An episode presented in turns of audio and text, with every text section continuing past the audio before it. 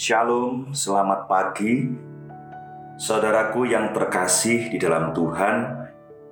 Pada pagi hari yang mendung ini, tentu kita tetap semangat dan kita tentu berharap menjadi umat yang luar biasa karena kita mempunyai Tuhan yang luar biasa, yaitu Tuhan Yesus Kristus.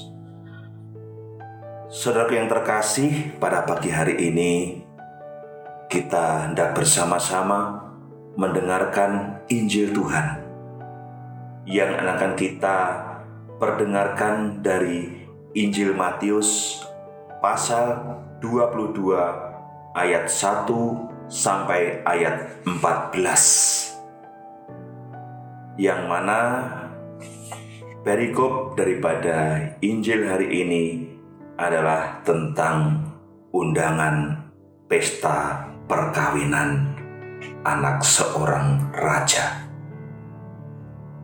Sebelum itu, saya akan perkenalkan nama saya Rudi Hartono. Saya dari PD Santa Maria Immaculata Tabanan. Baik, saudara yang terkasih, Sebelum kita mendengarkan firman Tuhan, mari kita bersama-sama hening. Kita mengarahkan hati, pikiran, perasaan, dan seluruh hidup kita kepada Tuhan kita, Yesus Kristus. Marilah kita berdoa dalam nama Bapa dan Putra dan Roh Kudus. Amin. Aku mengucap syukur kepadamu, ya Tuhan, bahwasanya Engkau sungguh mencintai umatmu. Engkau telah memberikan kepadaku hati dan budi yang baru. Tuhan Yesus, terima kasih pada pagi hari ini kami hendak membaca, mendengar, dan merenungkan sebagian firman-Mu.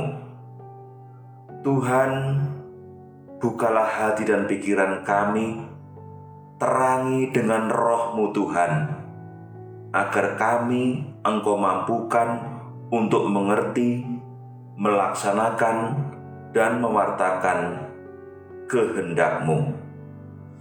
Terima kasih Tuhan, Engkau kami puji dan kami sembah kini dan sepanjang segala masa. Amin.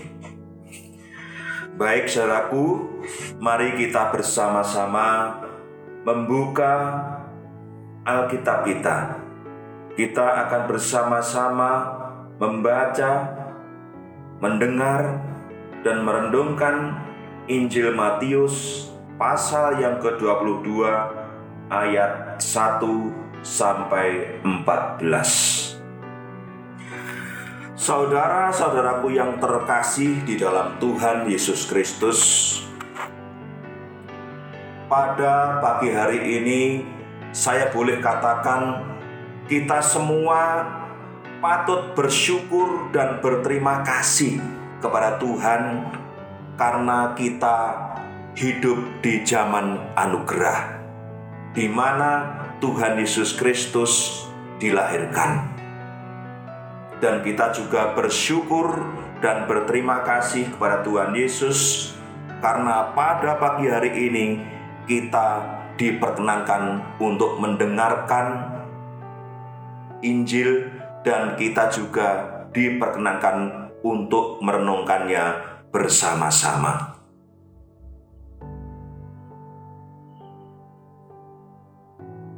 Perumpamaan tentang perjamuan nikah itu yang perikop yang baru kita dengar bersama-sama.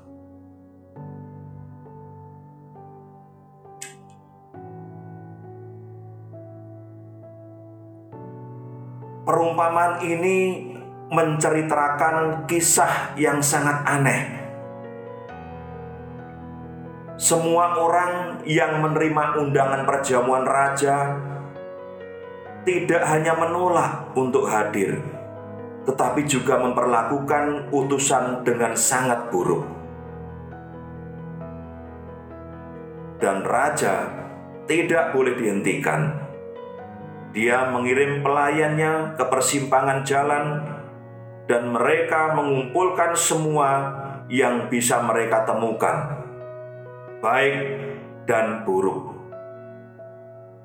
Dan pada akhirnya, ruang pertemuan itu pun penuh.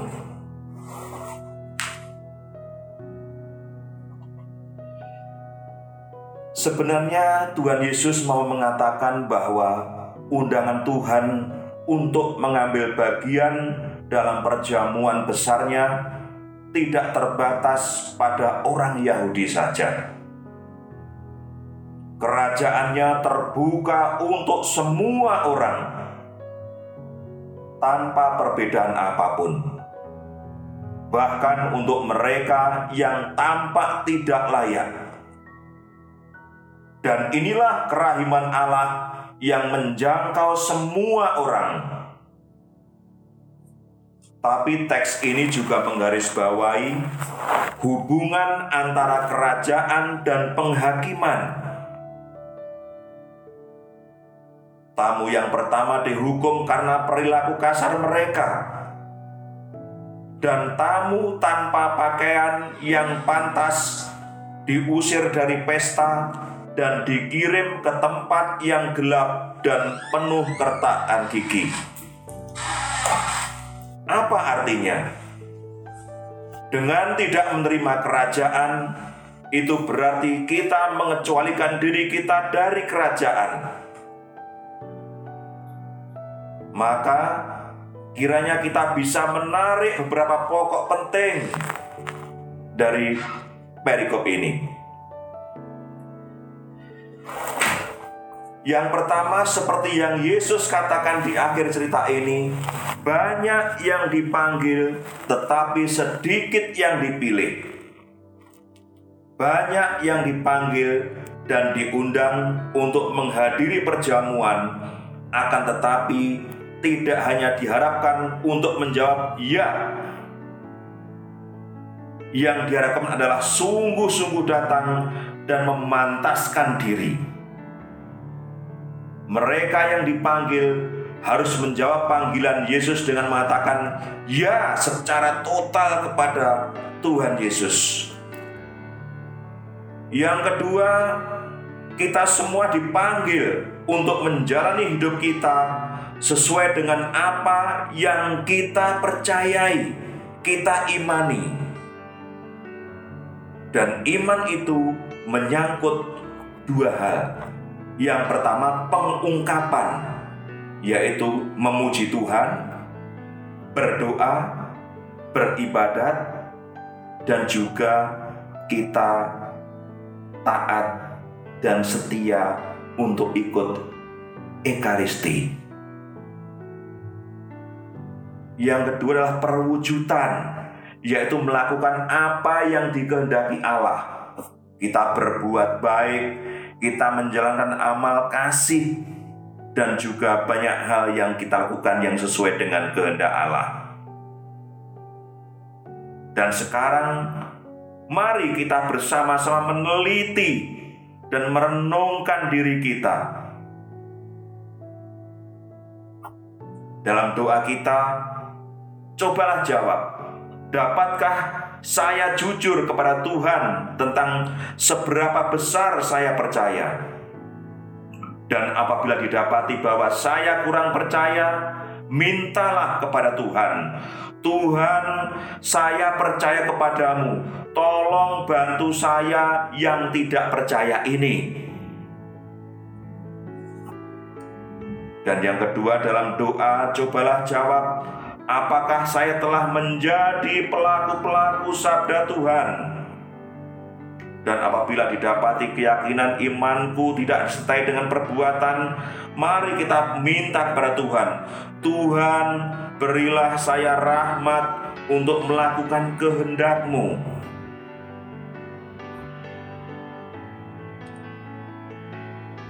Saudara yang terkasih dalam Tuhan,